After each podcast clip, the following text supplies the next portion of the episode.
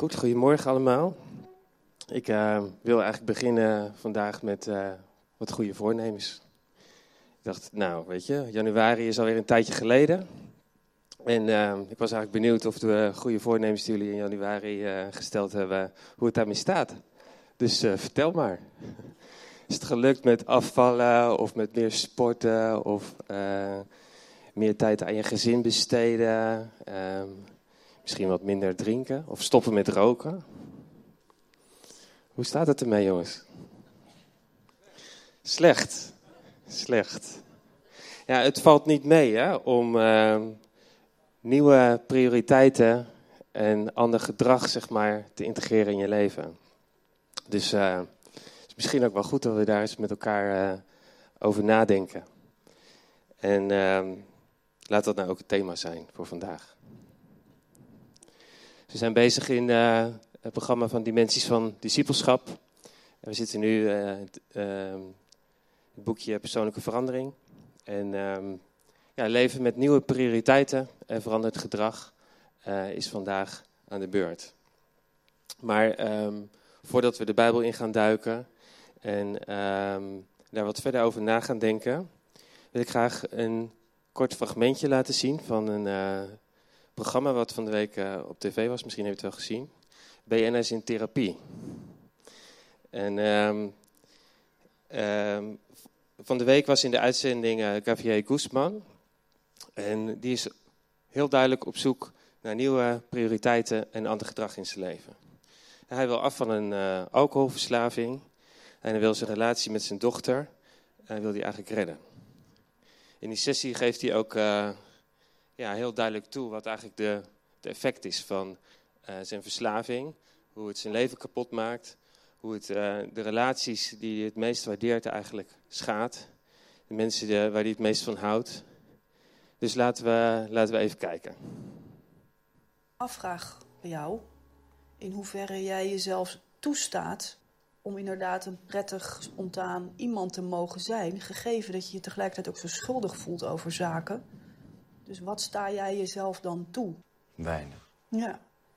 Gabriel, wat ik inmiddels heb geleerd, omdat ik ook mensen met uh, traumatisering behandel, is dat uh, in iedereen zijn leven komen nare dingen voor. En bij de een komen er nog heftiger dingen voor dan bij de ander. Maar dat er heftige dingen gebeuren, dat is een gegeven, uh, helaas. Maar wat het extra naar maakt voor mensen, of wat maakt dat ze het niet los kunnen laten, is vaak omdat ze er een negatieve conclusie over zichzelf bij trekken. Ja. En ik ben benieuwd wat bij jou die negatieve conclusie over jouzelf dan is. Dat Had ik niet moeten voorkomen of ik deug niet? Ja. Dus ik, Gabriel, deug niet. Dat is zeg maar de basisaanname waar je in het hier en nu last van hebt. Het is voornamelijk de angst niet te deugen. Het gevoel niet te deugen is voor mensen echt een uh, enorme handicap. En ja, wat je ziet is dat mensen dan vaak gaan bewijzen dat dat soort ideeën kloppen. Dus dan ga je ook zorgen dat je je zo gedraagt dat je er niet bij hoort. Dan ga je ook zorgen dat je mensen teleurstelt, zodat je inderdaad kan voelen: zie je wel, ik deug niet. Want de patronen die je kent, de patronen die je vroeger hebt aangeleerd, die zijn altijd het meest comfortabel, hoe negatief ze ook zijn. Waar heb je ooit geleerd in je verleden dat je niet deugt? Ik weet nog dat ik de eerste schooldag was ik natuurlijk rete zenuwachtig. Ik sprak de taal niet. Ik moest ineens naar de kleuterschool terwijl ik in Spanje al in de eerste zat. Een van de eerste woorden die ik heb geleerd in dit land was meedoen. Meedoen. En het tweede woord was uh, nee. Maar dat was gewoon... Ik zie mezelf nog het hele schoolplein afgaan. En ik... Gewoon nee, nee, nee, nee, nee. Wat mij aan associaties opvalt is Gabier de buitenstaander. Dus als je er niet bij mag horen terwijl je dat wel graag wil, dan moet er iets zijn dat je niet deugt. En de vraag is, waarom mag jij er niet bij horen nu? Dat heb je geleerd. Daar heb je allerlei overtuigingen onbewust opgeslagen waarom dat zo is. Maar ik zou dat wel willen uitdagen. Ik denk dat ik mezelf op een gegeven moment wijs gemaakt dat een groep, om het even, of je het hebt over een grote of kleine groep, dus Het gaat toch ook over één op één relaties? Het gaat toch niet alleen over groepen? Misschien ja. gaat het ook over de relatie met je dochter. Mhm. Maar dat gevoel van ik mag er niet bij horen, Dat vind ik zo intens verdrietig. En dan zeg ik niet dat je erbij moet horen zoals een leuke allerhande foto met allemaal mensen aan een tafel en gezellig. Ik bedoel, dat is niet erbij horen, hè, wat ik bedoel. Mhm. Ik bedoel het heel wezenlijk. Maar is het ook niet voor jou een soort comfortabele positie geworden omdat je er zo aan gewend bent? Ja, Mag ik het samenvatten zoals ik er ja. tegenaan kijk? Het brein bestaat uit, uit netwerken met patronen. En het brein wil het liefst altijd dezelfde patronen, want die kent die. Alles wat nieuw is, is gevaarlijk. Dus het is bij jou natuurlijk een stukje gewenning dat als het goed gaat een tijdje, dat het daarna weer slecht gaat. Of dat je terugval krijgt. Mhm. Ik denk dat als er sprake is van zo'n heftig, akelig schuldgevoel, dat het brein een enorme goede saboteur heeft opgeleid. Om Ja. te zorgen elke keer dat als het dan beter gaat, maar dat verdient Gabier helemaal niet, dat die saboteur dan weer aan de slag gaat. Ja. En dat patroon, die gewenning aan het patroon en die saboteur samen maken dat het dramatisch riskant is voor jou als het goed gaat. Ja. Ik weet niet hoe dat voor jou is als ik het zo zeg. Het, het is pijnlijk om te horen, maar het is waar. Moeten we niet naar dat schuldgevoel kijken als fuel voor dat sabotageverhaal? Ja, dat, dat, vind, dat vind ik eng om aan te raken. Ja. Ehm, in het filmpje legt Esther, die psychiater, uit hè, dat, er een, dat hij een soort wetmatig patroon heeft ontwikkeld. Dat juist als het goed met hem gaat, ehm, dat hij extreem kwetsbaar wordt voor een terugval in zijn oude gedrag. Dat zijn ook dingen die in die vorige sessies allemaal besproken worden, maar dat heb ik jullie even bespaard. Ehm, maar die, die kern van wat, wat in deze therapie-sessie eigenlijk naar boven komt, dat staat ook letterlijk in de Bijbel dat dat zo werkt. En Paulus die eh, beschrijft dat fenomeen heel krachtig. Ehm, even kijken. Dan ben ik alleen even de tekstverwijzing kwijt. Maar die vinden jullie vanzelf wel. Wat ik verlang te doen. Ja, dat is Romeinen 7 trouwens, sorry. Romeinen 7, vers 19. Wat ik verlang te doen, het goede, laat ik na. Wat ik wil vermijden, het kwade, dat doe ik. Maar wanneer mijn daden in strijd zijn met mijn wil, ben ik daar niet zelf de oorzaak van, maar de zonde die in mij heerst. Ik ontdek in mijn de wetmatigheid dat het kwade zich aan mij opdringt, ook al wil ik het goede doen. Innerlijk stem ik vol vreugde in met de wet van God, maar in alles wat ik doe, zie ik een andere wet. Hij voert strijd met de wet waarmee ik met mijn verstand instem en maakt van mij een gevangene van de wet van de zonde die in mij leeft. Wie zal mij, ongelukkig mens, redden uit dit bestaan dat wordt beheerst door de dood? Dat doet God. Dank aan Hem door Jezus Christus, onze Heer. En dus Paulus beschrijft hier eigenlijk die, innerlijke verdeeldheid die je eigenlijk ook terugvindt in het filmpje. Hè, Gavier die wil eh, stoppen, maar het lukt hem niet om te stoppen. Dus in zijn denken weet hij van hé, hey, stoppen is goed. Maar als de situatie dan zo afglijdt, dan zegt zijn gevoel van nou, laten we toch maar ehm, weer naar een fles grijpen. Dus zijn denken, willen en voelen, dat is niet in lijn met elkaar. En dat is een hele ambivalente positie. En er is in hem een bepaalde strijd gaande. En het, en het resultaat is niet oké. En hij is er zelf ook niet blij mee.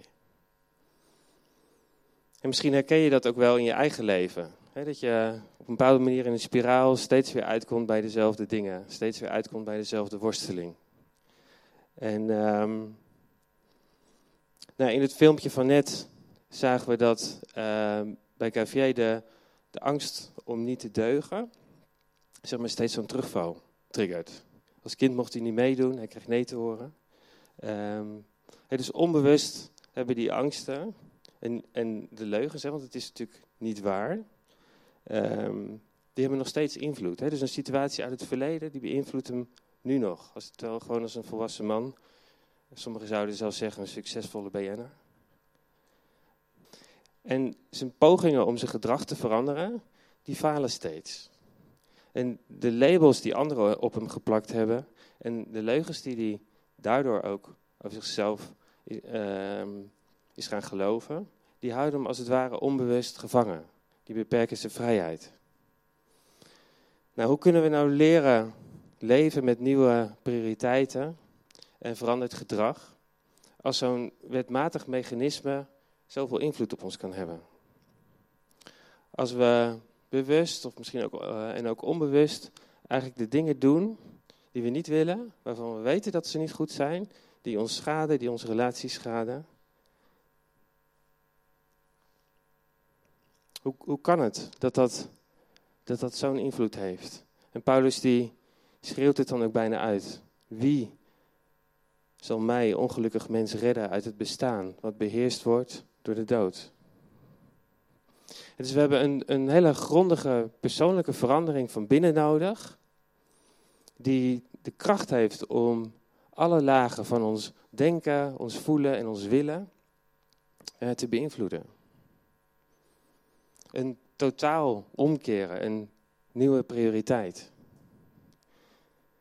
En het is niet voor niets, denk ik, dat Jezus, als hij zijn bediening start, zijn eerste woorden zijn: bekeer je, want het koninkrijk van God is nabij. En de mensen die deze woorden voor het eerst hoorden, waren mensen die God kenden. Ze waren opgegroeid um, met een God die bekend was uit de wetten van Mozes en de profeten. En Jezus daagt hen uit om zich te bekeren. En misschien ook wel te bekeren van een beeld van God wat zij hadden, um, wat God helemaal niet is. God is zoveel meer en zoveel groter. Jezus daagt hen uit om zich te bekeren. En misschien geldt het ook wel voor ons.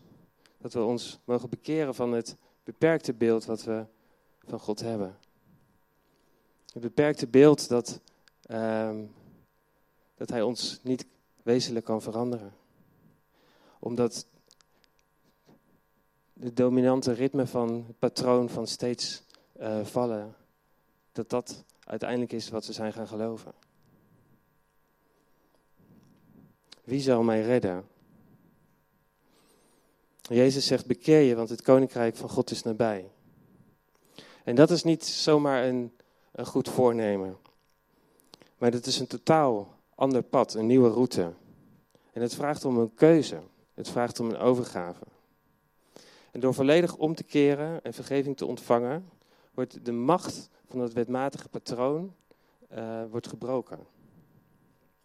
En door zijn genade um, kun je je denken en je voelen weer in dezelfde richting krijgen. En dat is wat effect heeft op je gedrag. In Matthäus 6, vers 33 zegt Jezus het zo. Zoek liever eerst het koninkrijk van God en zijn gerechtigheid. Dan zullen al die andere dingen je erbij gegeven worden. En dat zegt hij ook in, in de context van uh, voorziening en je zorgen maken. En want door Gods koninkrijk binnen te gaan en met heel je hart elk terrein van je leven uh, aan hem over te geven, dan komt zijn uh, bovennatuurlijke voorziening vrij. En daardoor krijgt ons leven nieuwe richting.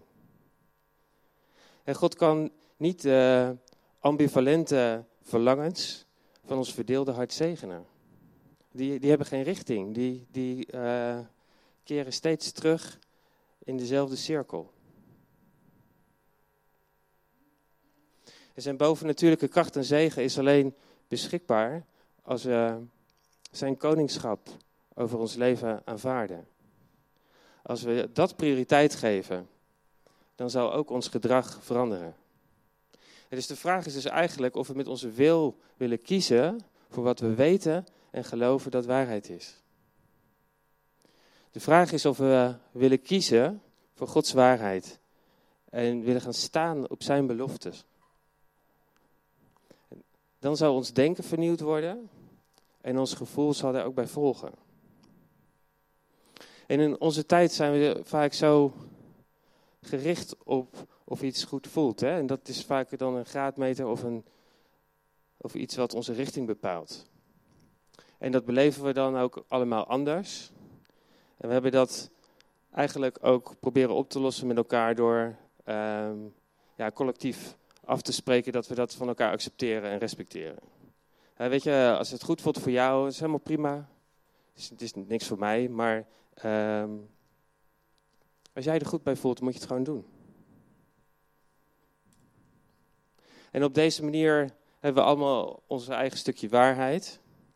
En ehm, hebben we eigenlijk ook een beetje zicht verloren op uh, een objectieve waarheid. En die zijn we dan ook wat kwijtgeraakt met elkaar.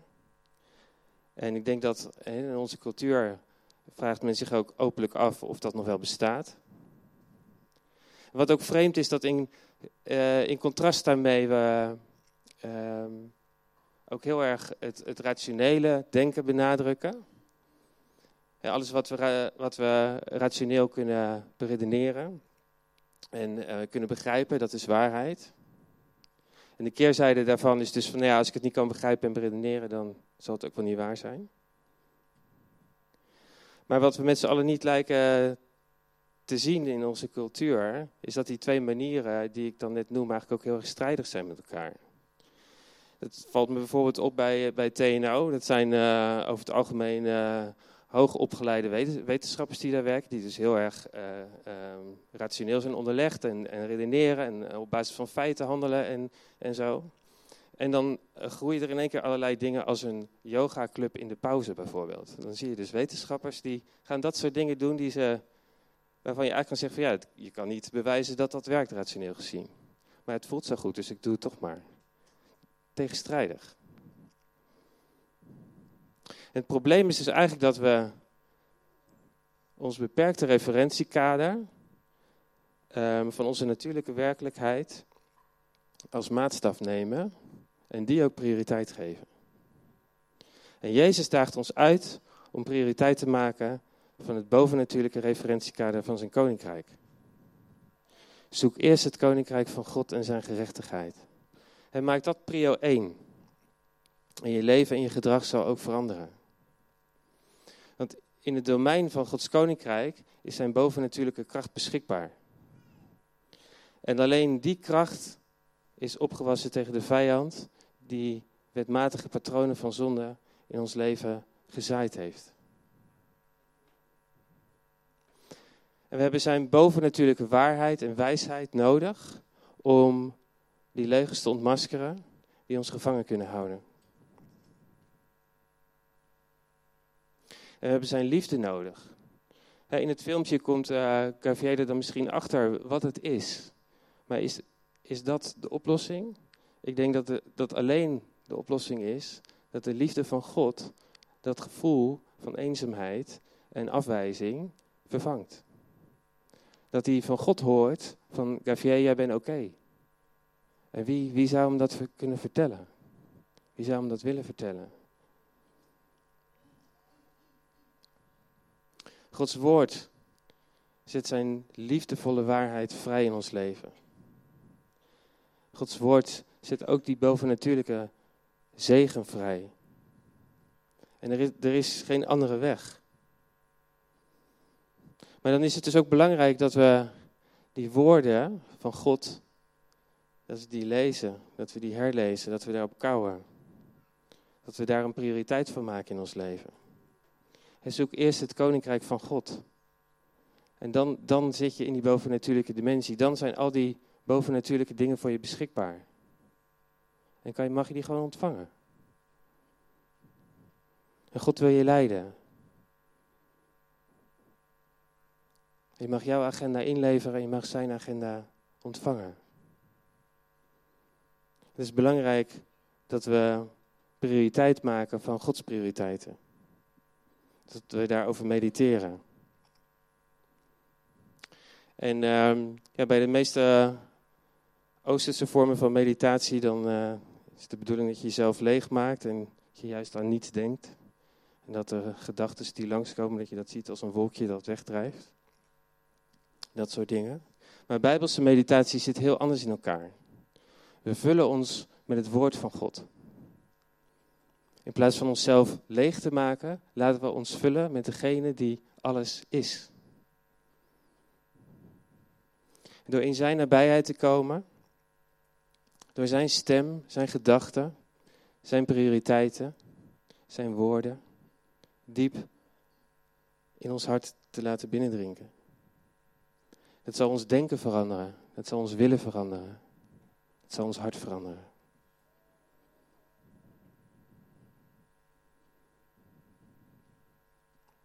En we hoeven, hoeven pijn, de dingen die we, waar we last van hebben, die onrust veroorzaken, die hoeven we niet met onze eigen kracht buiten onszelf te duwen. Maar God komt in ons om ons te redden, om zijn waarheid te spreken.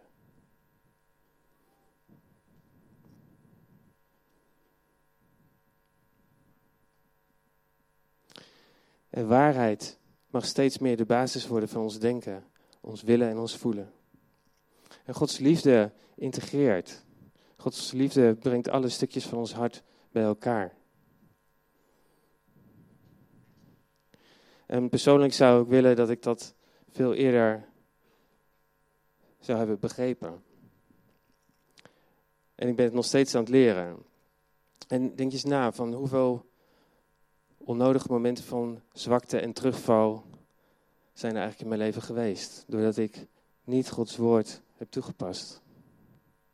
Misschien geldt het voor jou ook wel. Ben je, ben je op zoek gegaan als je, naar Gods woord? Als je het moeilijk had?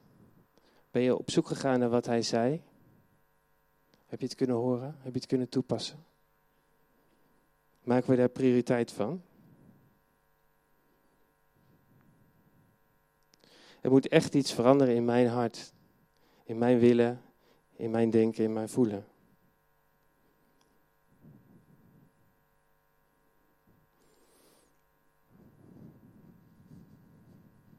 Zodat mijn, denken en mijn voelen en mijn willen, dat mij niet langer uit elkaar trekt. Zodat dat één geheel en geïntegreerd is. Als ik meer prioriteit had gemaakt dan uh, van het, het, lezen van Gods woord en het toe-eigenen van die waarheid, dan had ik waarschijnlijk in veel gevallen ook ander gedrag laten zien. God is bezig om in ons zijn karakter te bouwen, zodat de keuzes die we maken en het gedrag wat we laten zien, zeg maar, ook zijn kracht en zijn zegen kunnen dragen. En soms denk ik wel eens, hey, dat God zo ontzettend veel zegeningen voor ons klaar, heeft liggen. Um, maar dat we nog niet het karakter hebben om die ook te ontvangen. En we zouden als het ware vermorzeld worden door zijn kracht. En um, daardoor kunnen we de, de, de, het gewicht of zo van de zegeningen die hij geeft, um, ja, nog niet dragen. En God geeft ons dus eigenlijk uit liefde nog niet wat we niet kunnen dragen. En ik wil met jullie kijken naar een stuk uit Jozua, Jozua 1, waarin dat allemaal bij elkaar komt.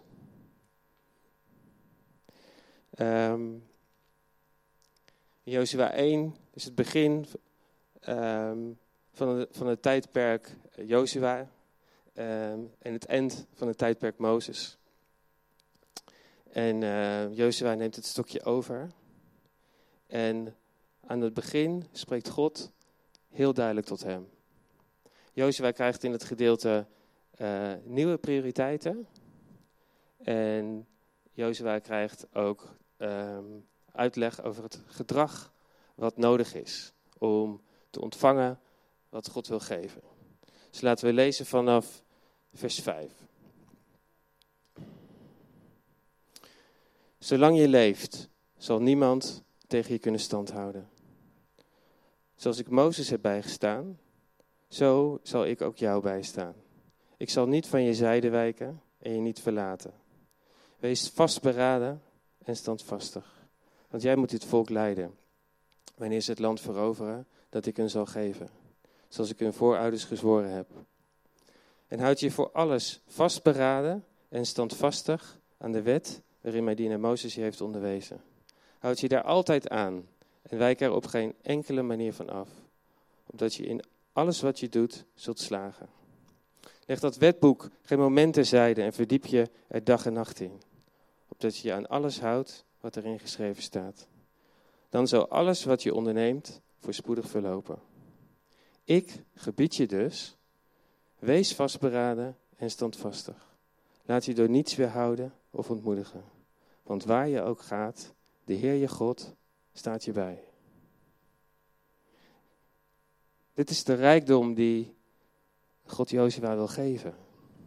En er is een deel wat God uh, zal doen, de voorziening van zijn koninkrijk. En er is een deel wat Jozua moet doen. En dat klinkt misschien raar, dat um, wees vastberaden en standvastig. Um, out of the blue, kan je dat zo in één keer zijn? Nee, daar is karakter voor nodig. En Joshua die krijgt in dit gedeelte ja, die prioriteiten mee om ook daadwerkelijk de zegeningen die God voor zijn volk heeft klaar liggen um, te ontvangen. En als je verder leest, dan zie je dat God um, met het volk Israël is. En dat uh, God inderdaad uh, met Jozua is. En dat als uh, het, het, land Canaan binnentrekken en dat land veroveren, dat bij ieder gevecht God aanwezig is. En dat er heel veel momenten zijn dat er eigenlijk helemaal um, geen zwaard aan te pas komt. Maar dat God paniek stuurt. Of dat God de, de muur van Jericho laat, laat instorten. Um, dus Jozua hoeft eigenlijk nog geen eens uh, vastberaden en standvastig te zijn in uh, een militaire strijd. Er zijn heel veel gevallen dat God het gevecht voert en dat, um, dat, dat hij zijn zwaard misschien nog geen eens hoeft te trekken. Waarom zegt God dan, wees vastberaden en standvastig? Ik denk dat het, dat, dat te maken heeft dat um, dat de volledige kracht van de vijand wel op hem uh, terecht zou komen. En dat, dat God eigenlijk zegt, uh, mijn plan staat vast en jij moet niet buigen voor angst. En God is bezig om in het hart van Jozua zo'n vertrouwen te bouwen, dat uh, de overwinning die God wil geven, dat hij die gewoon ontvangt. Zonder dat hij daar zelf voor hoeft te vechten. Maar wat zou er gebeuren als, als uit angst toch zijn zwaard zou trekken, toch eigen maatregelen zou nemen, toch allerlei voorzorgsmaatregelen uh, die de vijand uh, dan tegen zouden moeten houden? Dan zou wat, wat God had voorzien, zeg maar, dat zou gewoon instorten en, en weglekken. En we zien in, in de Bijbel ook een aantal uh, voorbeelden daarvan. Dat het, dat het volk zeg maar niet gehoorzaamt. Dus God draagt Jozua op om vastberaden en standvastig te zijn. En het wordt drie keer herhaald, dus het is ook wel duidelijk, hè? we kunnen daar niet echt omheen. En het laatste um, is natuurlijk het sterkste woord in vers 9. Ik gebied je Wees vastberaden en standvastig. Laat je door niets weerhouden of ontmoedigen. Want waar je ook gaat, de Heer je God staat je bij. Dus hoe, hoe kunnen we de prioriteiten die Jozua hier krijgt, hoe kunnen we dat toepassen op ons eigen leven? Een belangrijk element wat in deze tekst ook staat, is het, het uh, belang van het wetboek. Dat, dat staat eigenlijk voor, de, voor het woord van God. Hè? Dus dat we ons daar aan moeten houden. Want alleen dan is die bovennatuurlijke zegen van God beschikbaar. dus als we, als we maar wat rommelen in de marge en dat niet te nauw nemen, dan, dan doen we af van die bovennatuurlijke zegen die God ons wil geven. Het is belangrijk om, om dat te zien, om dat te pakken. Want we, we, we, missen, we missen anders Gods kracht. Zijn bevrijdende kracht, zijn overwinning. Ik gebied je dus, wees vastberaden en standvastig. En leg het wetboek geen moment terzijde. Verdiep je er dag en nacht in. Dus als we Gods woorden toepassen, als we die uitspreken, dan komt ook de, de kracht vrij die Hij daarin gelegd heeft. En daarin zit overwinning. Gods woorden zijn niet, niet zozeer om, ehm, om nou intellectueel te begrijpen, maar het is waarheid waar je op kan staan. En tuurlijk, we kunnen ze intellectueel begrijpen. Hè? Dat moeten we ook doen. Maar ze zijn met name bedoeld om op te staan als, als waarheid, als fundament. Jozua kon staan op deze woorden. Als je, als je de rest van het boek leest, dat voert nu, nu te ver. Maar bij ieder gevecht, iedere strijd, God is bij hem. En God zorgt voor de oplossing. En, en dit moment neemt God hem eigenlijk, eigenlijk mee in, in de kern van, joh, dit is belangrijk, hier gaat het om. En dit is wat jij nodig hebt om, om uit te komen waar ik je wil hebben. En om met het volk, zeg maar, uit te komen uh, waar God wilde uitkomen. Namelijk dat dat, dat dat land een plek zou zijn waar ze zouden kunnen leven. Een land wat uh, vol was van overvloed. Dus wees vastberaden en standvastig. Als we nieuwe prioriteiten in ons leven integreren door Gods woord serieus te nemen. En, en niet, niet alleen te begrijpen hier, maar ook te laten zakken in ons hart. Geloven we wat er staat? Denk, denken we, durven we te denken dat het, dat het waar is? Durven we dat toe te passen? Als je bang bent, als je voor een moeilijke beslissing staat, durf je je keuzes daarop te baseren. Durf je dat als God iets tegen je zegt. Hè, misschien heb je een, een appje dat er een tekst langskomt en je leest eens wat verder en je wordt geraakt door een woord. Pak, pak dat beet, pak dat uit. Integreer dat in je denken, in je voelen en in je willen. En Gods woorden die kunnen de leugens en de valstrikken van, van de vijand vervangen. Als we even teruggaan naar dat verhaal van uh, Cavier. De angst om niet gezien te worden en de angst om afgewezen te worden, die wordt vervangen door Gods liefde. En de dingen die de vijand zaait in je leven, of gezaaid heeft, die wil God vervangen. Zodat we sterk kunnen staan en standvastig. Dat ons willen, ons denken en ons voelen dezelfde richting krijgt. En dan zijn we ook klaar, zeg maar, om meer te ontvangen van God. Om meer van zijn kracht door ons heen te laten stromen. Dus iemand die vastberaden en standvastig is, die heeft denken, willen en voelen in dezelfde richting staan. En iemand die vastberaden en standvastig is, die is niet langer ambivalent, maar heeft een onverdeeld hart. En in Jacobus 4, vers 8 staat in de NBG-vertaling, nader tot God en hij zal tot u naderen. Reinigt uw handen, zondaars, en zuivert uw harten, gij die innerlijk verdeeld zijt. Dat is wat we mogen doen, zodat God die innerlijke verdeeldheid in ons hart kan genezen. Zodat we klaar zijn om, net als Jozua, ingezet te worden in, ja, in, in, in de gevechten die God wil dat we, dat we leveren. Um, dat we gericht zijn op zijn agenda en dat we ook die overwinning zullen behalen. Omdat alleen zijn zegen vasthangt aan Gods prioriteiten en zijn agenda. Dus wees vastberaden en standvastig.